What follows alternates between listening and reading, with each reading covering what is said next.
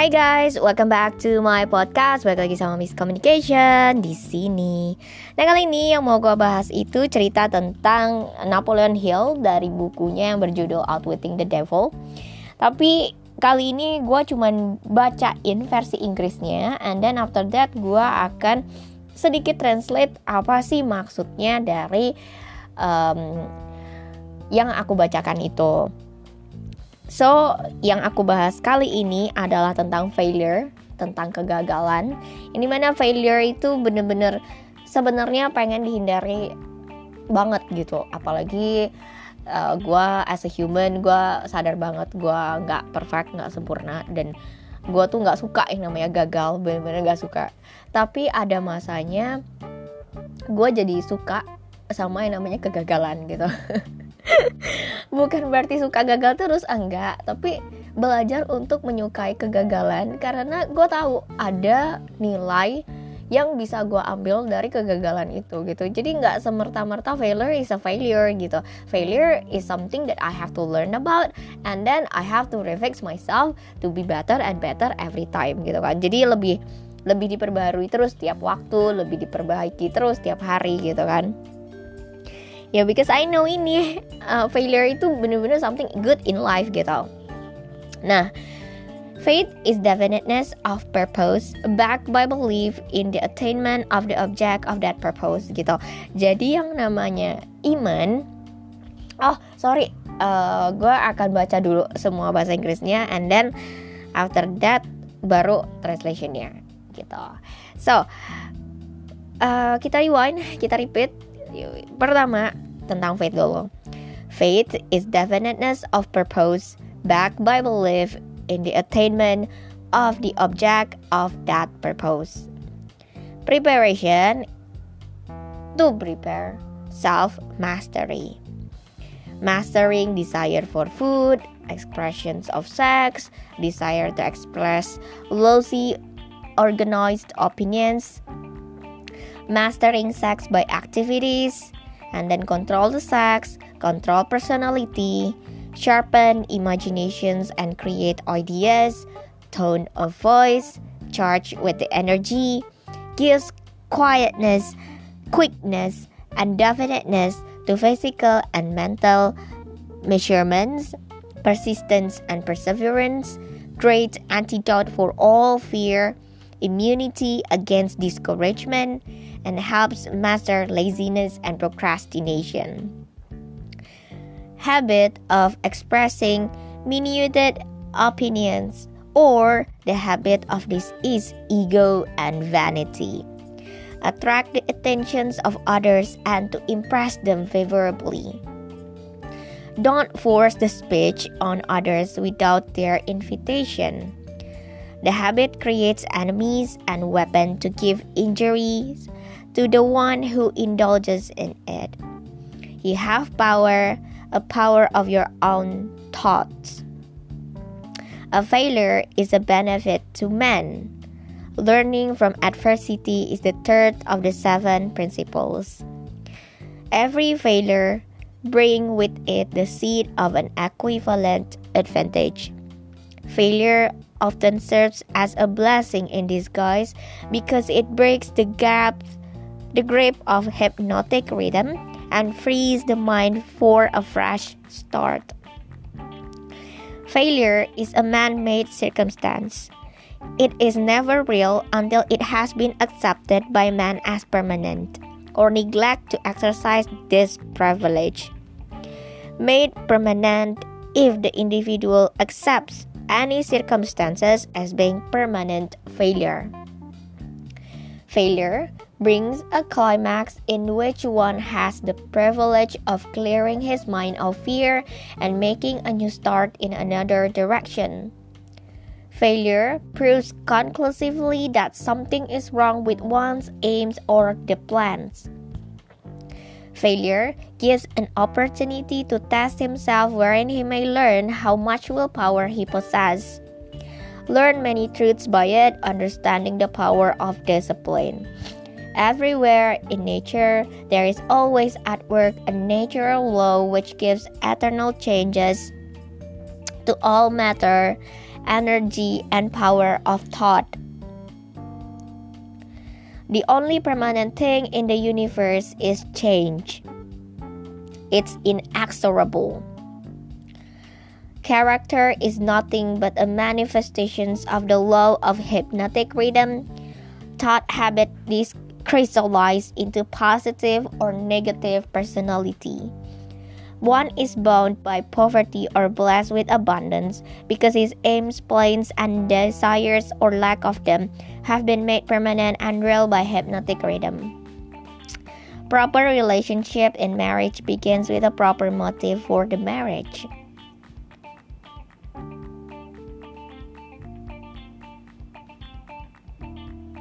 Most marriage don't bring happiness because the contracting parties neither understand nor attempt to understand the law of hypnotic rhythm, by the operation of which every word they speak, every act in which they engage, and every motive by which they are inspired to deal with each other is picked up and woven into a web that entangles them happiness or sadness.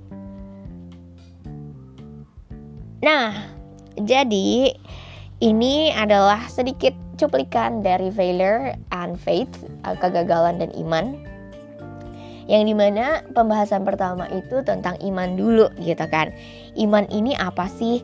Iman itu adalah uh, tujuan pasti, tujuan yang tidak berubah-berubah, yang di mana dipercayai, didukung oleh kepercayaan. Percaya dan kepercayaan itu beda ya. Kalau kepercayaan itu benar-benar apa yang dipercayai dalam mencapai tujuan yang kita maksudkan itu tadi sebelumnya yang tadi yang goal itu yang definiteness purpose itu sendiri Nah, preparationnya apa? Preparationnya itu adalah self mastery. Jadi kita harus mengontrol memaster jadi tuan untuk diri kita sendiri. Like Napoleon Hill says, we are the master of our mind and the captain of our soul. Kita adalah tuan dari pikirannya kita dan kapten dari jiwanya kita. Kita itu mau seperti apa, jadi seperti apa, berpikir seperti apa, dan itu semua terkait dengan yang namanya hypnotic rhythm. Jadi uh, habitnya apa gitu kan? Nah, kalau misalnya hidupnya mau berubah, habitnya juga harus berubah, pola pikirnya harus berubah gitu. Yang di mana pola pikir itulah yang akan menentukan directionnya ke mana. Uh, gue lagi baca sedikit buku tentang big thinking, uh, jadi to think big gitu daripada think small gitu kan. Think big itu something that we can purpose, that we can have as our own gitu kan. Jadi um, apa ya untuk berpikir sesuatu yang besar untuk berpikir sesuatu yang baik untuk berpikir selalu yang apa ya yang bisa menjadi manfaat untuk orang banyak gitu kan. Nah tapi itu semua akan terjadi ketika kita bisa mengontrol atau menjadi tuan dari diri kita sendiri terutama dalam um, menjadi tuan untuk menentukan desire-nya kita. Dan desire terbesar itu adalah sex gitu, expression of sex gitu kan. Yang di mana kalau misalnya expression of sex ini tidak diarahkan uh, secara baik gitu kan, itu akan ke yang tidak baik gitu kan karena kan kita only we have only two sides good or bad gitu kan and then uh, every every human being itu akan have their own energy of sex gitu kan. Yang di mana ini itu perlu diarahkan ke yang baik atau yang tidak baik gitu kan. Nah kalau yang baik itu seperti apa? Ya itu tadi desire to master desire the food terus juga opinions terus juga ini lebih ke arah self mastery gitu yang di mana seks ini bisa ditransmute, bisa diubah untuk sesuatu yang positif yang bisa dimanfaatkan untuk membantu orang lain gitu kan. Bisa juga untuk menghancurkan orang lain itu bisa, tapi ya we have to be master of our own self gitu. Kita jadi harus self mastery our own gitu. Yang di mana kontrol personality, jadi mengontrol diri kita dimulai dari tone of voice, uh, suara gitu kan. Terus juga charge with the energy yang di mana semangat atau motivasi itu kita perlu untuk ya kontrol terus give quickness and definiteness to physical and mental movements. Jadi um, apa sigap gitu cepet gitu kan. Terus persistence and perseverance. Terus gigih dan juga uh, tangguh tahan banting gitu kan terus yang ke um, one, two, three, four, five. Yang kelima itu persistence and perseverance. Oke, okay, yang keenam great antidote for all fear. Jadi yang namanya kalau kita mengontrol seksnya, mengontrol personality kita, kita tuh akan memiliki great antidote, great great antidote for all fear. Jadi kita akan punya antibody lah untuk ketakutan segala ketakutan gitu kan. Terus juga kita bisa menajamkan imajinasi kita dengan membuat ide-ide yang luar biasa untuk membantu orang lain gitu kan. Terus juga immunity against discouragement. Jadi kalau misalnya ada something yang membuat kita takut atau kita nggak berani kita tuh bisa punya imun gitu untuk itu. Ah enggak kok gue bisa gitu. Kalau misalnya dia bisa kenapa gue enggak gitu? I, I can do it I can do it I can do it gitu kan. Karena ya emang I can gitu. Kalau misalnya I think I cannot ya I cannot gitu. Kalau misalnya aku berpikir aku nggak bisa ya nggak bisa. Terus juga immunity uh, helps master laziness and procrastination. Jadi menolong kita untuk uh, mengurangi kemalasan dan juga penundaan gitu. Karena yang paling paling paling mudah dilakukan dan paling paling banyak dilakukan apalagi versi gue gitu kan ini yang terakhir ini. Lazy and procrastinate jadi males dan menunda. Nah ini walaupun kecil tapi uh, faktanya ini ini akan berdampak besar. Jadi ini adalah hal yang bisa kita dapatkan atau benefit yang kita bisa dapatkan ketika kita menjadi tuan atas diri kita sendiri yang mengontrol sex energy dan juga mengontrol personality gitu.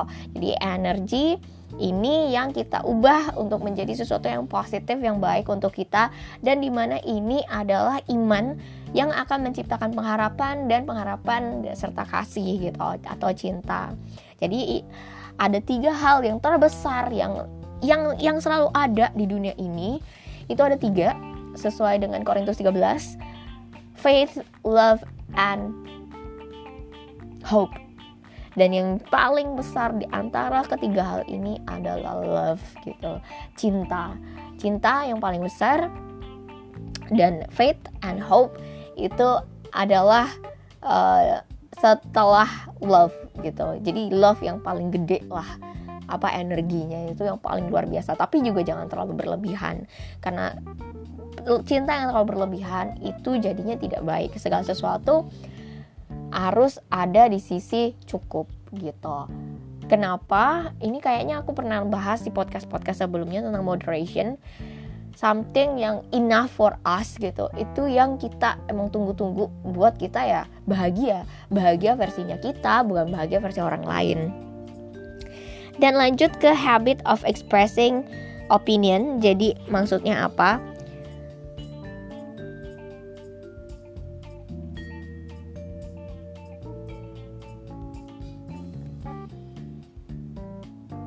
Jadi maksudnya adalah um, apa kebiasaan untuk ego dan sombong itu.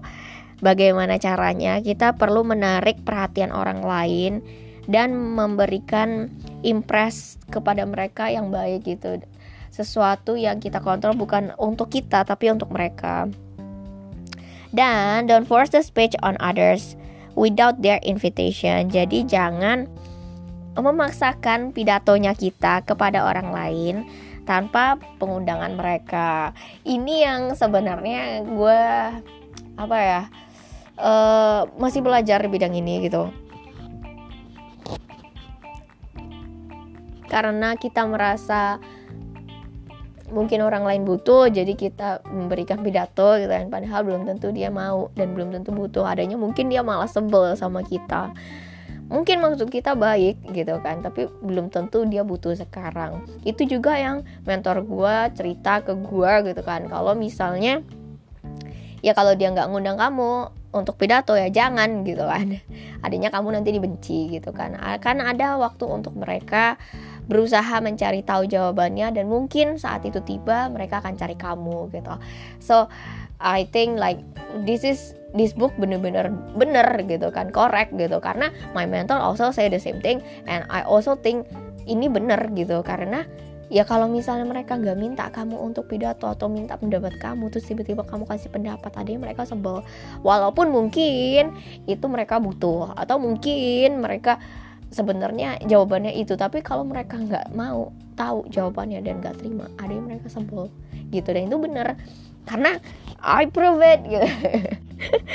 And it's wrong gitu. Jadi ya ini balik apa uh, don't force the speech on others without their invitation.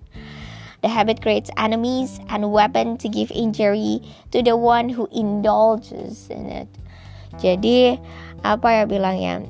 Habit ini uh, habit untuk force speech and then without their invitation adanya bikin mereka tuh sebel sama kita bikin musuh terus malah bikin senjata untuk kasih mereka luka karena mereka masih ada di situ gitu masih bersenang-senang dengan itu gitu kan masih nggak mau cari tahu jawabannya gitu.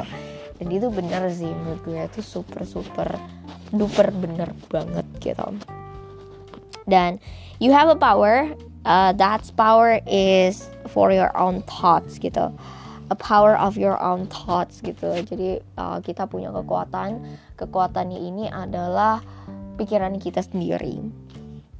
Dan yang namanya kegagalan atau failure failure itu manfaat untuk setiap orang gitu kan. Dan di mana kita bisa belajar dari adversity atau keberagaman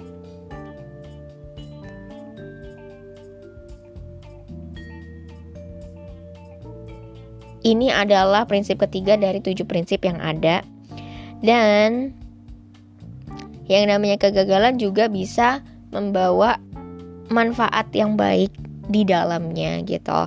Even failure, every failure bring with it a state of an equivalent advantage. Ada bibit sendiri yang ditambahkan di situ gitu kan. Gue pernah dengar cerita tentang seorang ayah. Jadi seorang ayah punya anak dan anak ini itu suatu ketika membawa kuda liar, kuda berwarna hitam pulang ke rumah gitu Terus tetangga bilang, hoki banget kamu bisa dapat kuda liar seperti itu. Itu kan maksudnya kuda dulu lumayan mahal gitu kan. Terus bapaknya bilang, ya belum tentu gitu kan. Gak ada yang tahu yang namanya hoki sama enggak gitu kan.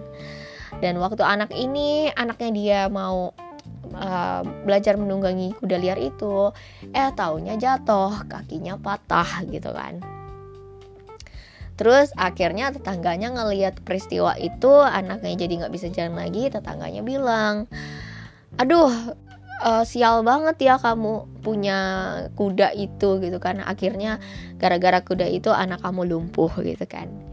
Terus bapaknya tetap positif, tetap bilang kayak gini. Ya kita nggak tahu apa yang namanya hoki dan sial. Jadi gue akan tetap mensyukuri apa yang gue punya sekarang gitu kan it's a wise opinion, it's a wise answer I guess. Tapi tetangganya mikir apa sih mungkin aneh banget sih lu gitu kan. Kan kelihatan faktanya sekarang kalau anak lu lumpuh gitu dan itu gara-gara kuda. Jelas-jelas lu sial misalnya mungkin kayak gitu kan. Sorry to say that, tapi ya it's a fact gitu kan. Itu faktanya. Terus tiba-tiba suatu saat ke suatu saat kemudian raja meminta semua anak cowok atau pria untuk maju berperang gitu kan yang namanya perang ya kita nggak bisa jamin anak itu bisa balik hidup-hidup gitu kan anak cowok. Karena kan perang mati-matian dong sampai titik darah penghabisan.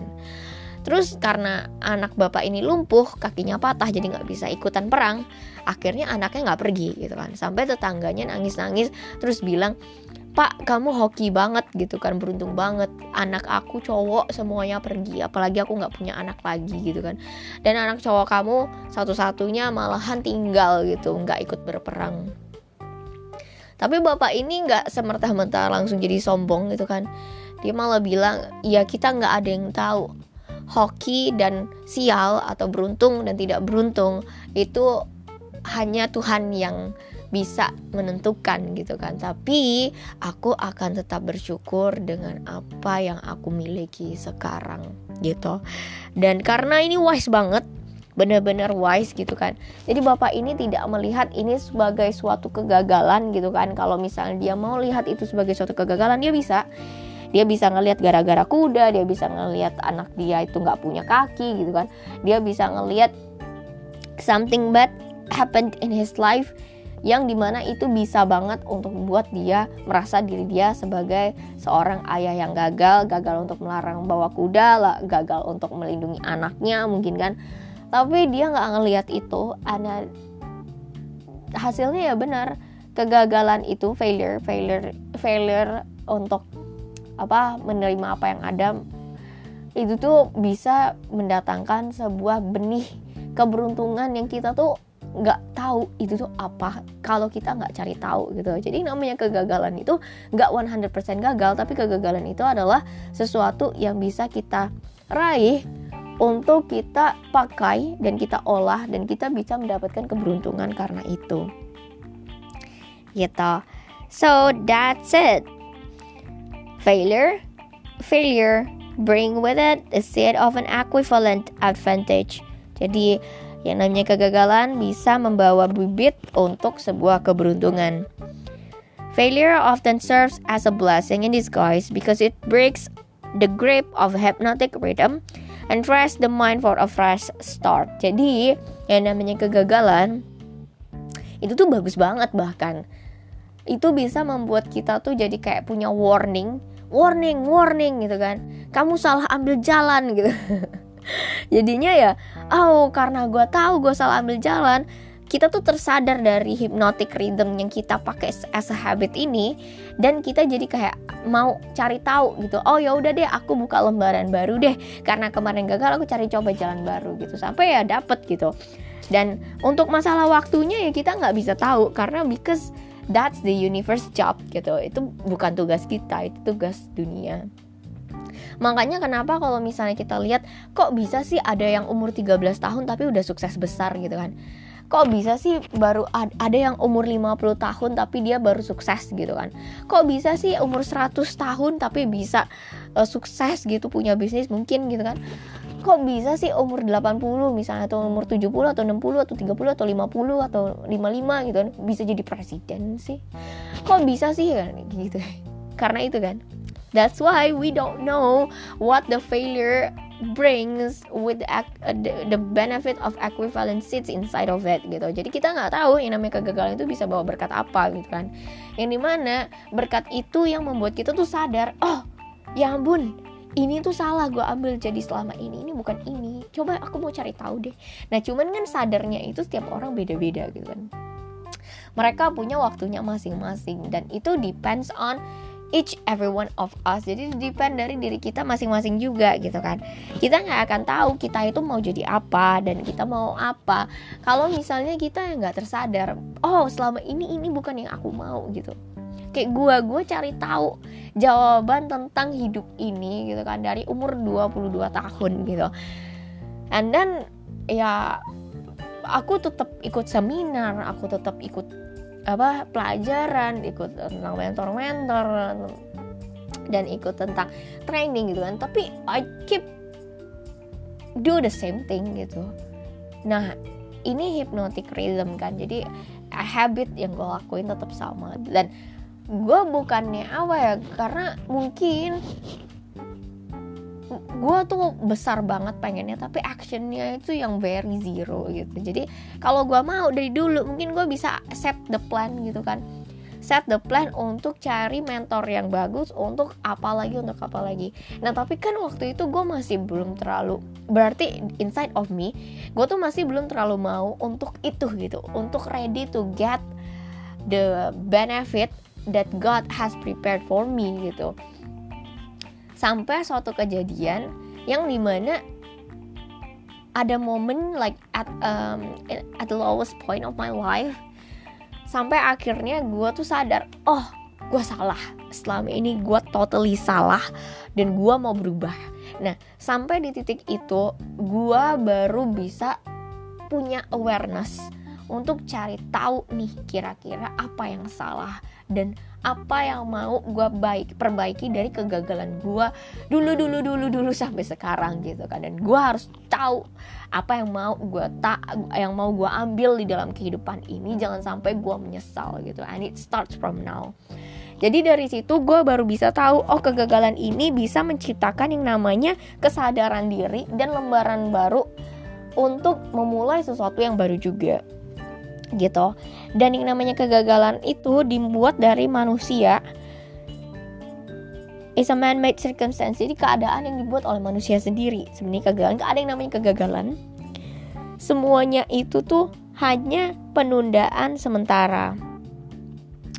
Dan failure often serves as a blessing in disguise because it breaks the grip of hypnotic rhythm and fresh the mind for a fresh start. Jadi ya bener-bener buat fresh lah gitu failure is a man um, apa jadi intinya nggak ada yang namanya kegagalan permanen kegagalan, kegagalan permanen itu tuh cuman sebentar lah ibarat kata gitu. Made permanent if the individual accepts any circumstances as being permanent failure. Jadi yang dibuat permanen sebagai ya failure gitu. Nah yang namanya failure ini itu tuh akan membawa uh, a failure brings a climax in which one has the privilege of clearing his mind of fear and making a new start in other directions. Nah, jadi yang tadi yang namanya kegagalan itu tuh akan membawa kita pada titik puncak. Segagal-gagalnya gue di dalam hidup gue gitu. Yang itu tadi the lowest point of my life gitu kan. Itu gagalnya itu akan ada punya titik puncaknya sendiri gitu kan. Dan membuat kita tuh punya ke apa ya sesuatu yang lebih untuk membersihkan ketakutan dan membuat sesuatu yang baru di arah yang berbeda gitu. Dan failure ini proves conclusively that something is wrong with one's aim or the plans. Jadi kegagalan juga membuat kita bisa membuktikan bahwa tujuan kita tuh ternyata salah. Bukan ini loh tapi yang lain loh gitu kan. Akhirnya gue bisa cari bisa cari lagi cari terus cari terus itu jangan pernah menyerah gitu. Kenapa? Karena sekalinya kalau kita menyerah ya and everything is gone gitu. Mau nggak mau kan? Jadi ya tetap cari gitu. Nggak ada yang namanya sia-sia. Semuanya itu ada karena untuk me memper banyak proses dan memperbanyak polesan karakter sampai akhirnya kita jadi something gitu kan. Failure gives an opportunity to test himself wherein he may learn how much willpower he possesses. Jadi Kegagalan juga akan memberikan kita tuh kesempatan untuk memberikan tes kepada diri kita agar kita tuh belajar seberapa banyak sih kita tuh punya keinginan yang besar untuk mendapatkan tujuan itu gitu. Learn many truths by it. Jadi belajarlah kegagal apa kebenaran tentang itu. Understanding the power of discipline dan juga mengertilah tentang kekuatan disiplin atau komitmen yang akan dilakukan setiap hari. Everywhere in nature, there is always at work a natural law. Jadi setiap di mana pun juga yang namanya kita masih di bumi, di dunia ini, di universe, itu tuh ada yang namanya hukum alam semesta gitu, hukum alam lah which gives eternal change to all matter, energy, and power of thought. Jadi ini yang akan memberikan kita perubahan yang pasti untuk semua masalah, semua energi, dan kekuatan pikiran kita. Jadi berhati-hatilah dengan apa yang kita pikirkan karena itu yang akan kita attract di dalam kehidupannya kita. If you think negative, negative will follow. If you think positive, positive will follow. Jadi selalu ingat apa yang Napoleon Hill katakan dan itu juga sudah gue buktikan di dalam hidup gue. So I think I feel blessed because I think I am blessed and I think God want to bless me as much as He want and He can gitu. Jadi sebanyak apa pun Tuhan ingin memberkati aku dan apa um, membuat aku belajar tentang kehidupan ini karena Tuhan tuh mau membentuk aku gitu. Dan Tuhan juga mau membentuk teman-teman sekalian. So please banget untuk fokus kepada apa yang kita inginkan dan kita mau di dalam hidup ini dan juga fokus with our own mind gitu. Karena the power of thought uh, the power of thought matter and energy inilah yang akan membawa kita kepada kesuksesan kita atau bahkan kepada kegagalannya kita tapi selalu ingat when we fail ketika kita gagal when we fail we have to focus that there is something of a benefit equivalent sits inside of it. Jadi seperti yin and yang, kalau misalnya kita lihat yin and yang logonya seperti apa? Putih ada titik hitam, hitam ada titik putih dan itu gue akhirnya baru sadar ternyata itu tuh tentang negatif and positive in life gitu dan we are struggling with that kita tuh bener-bener apa yang namanya tuh bertarung untuk itu gitu. Apa ya struggling itu tuh menghadapi uh, sebuah gejolak atau kesusahan di bidang itu gitu kan. Tapi sebenarnya ini tuh adalah ilmu yang ingin disampaikan tentang alam semesta dan dunia gitu. Dan ya the only permanent thing in the universe is change. Jadi nggak ada sesuatu yang permanen di dunia ini. Itu semua bisa berubah seperti roda. Kadang ada di atas, kadang di bawah. Kadang kita bahagia, kadang kita sedih gitu kan. Kadang kita kaya, bisa jadi kita miskin gitu. Kadang kita merasa bisa uh, tinggi di atas orang lain tapi akan ada waktunya kita juga di bawah jadi kita tuh hidup seperti roda yang selalu berputar dan itu tuh permanen gitu karena ya berubah tidak ada sesuatu yang permanen di dunia ini hanyalah yang ada hanyalah perubahan gitu nggak ada yang selamanya kaya gitu kalau mau selamanya kaya ya kamu harus berusaha tahu hukum alamnya seperti itu dan character is nothing but a manifestation of the law of hypnotic rhythm. Jadi namanya karakter itu tuh Allah karakter tuh bisa berubah. Yang mau di eh, yang mau sama, yang membuat karakter itu sama atau beda ya ya hypnotic rhythmnya atau habitnya gitu kan. Karena pemikiran kebiasaan ini yang akan menciptakan kita ada di posisi negatif atau positif personality. One is bound by poverty or blessed with abundance because his aims, plans, and desires or lack of them have been made permanent and real by hypnotic rhythm. Jadi sesuatu itu tuh by poverty or blessed berdasarkan uh, kemiskinan ataupun berkat tentang kelimpahan because his aims, plans, and desires or lack of them have been made permanent unreal by hypnotic rhythm. Jadi ini tuh ya dari, dari kebiasaan. Bahkan ya kalau kita mau punya marriage atau pernikahan, hubungan pernikahan yang proper, yang siap gitu kan. Kita tuh harus mulai dengan motif yang benar juga untuk sebuah pernikahan. Dan kebanyakan pernikahan juga tidak memberikan kebahagiaan karena ya di dalamnya itu ada bagian yang uh, because the contracting parties neither understand for nor attempt to understand the law of hypnotic rhythm. Jadi itu mengerti ataupun mencoba untuk mengerti tentang yang namanya hypnotic rhythm atau kebiasaan ini gitu. By the operation of which every word they speak, every act, in which they engage and every motive by which they are inspired to deal with each other is picked up and woven into a web that entangles their happiness or sadness. Jadi kebiasaan itu yang membuat bisa bahagia atau sedih gitu kan.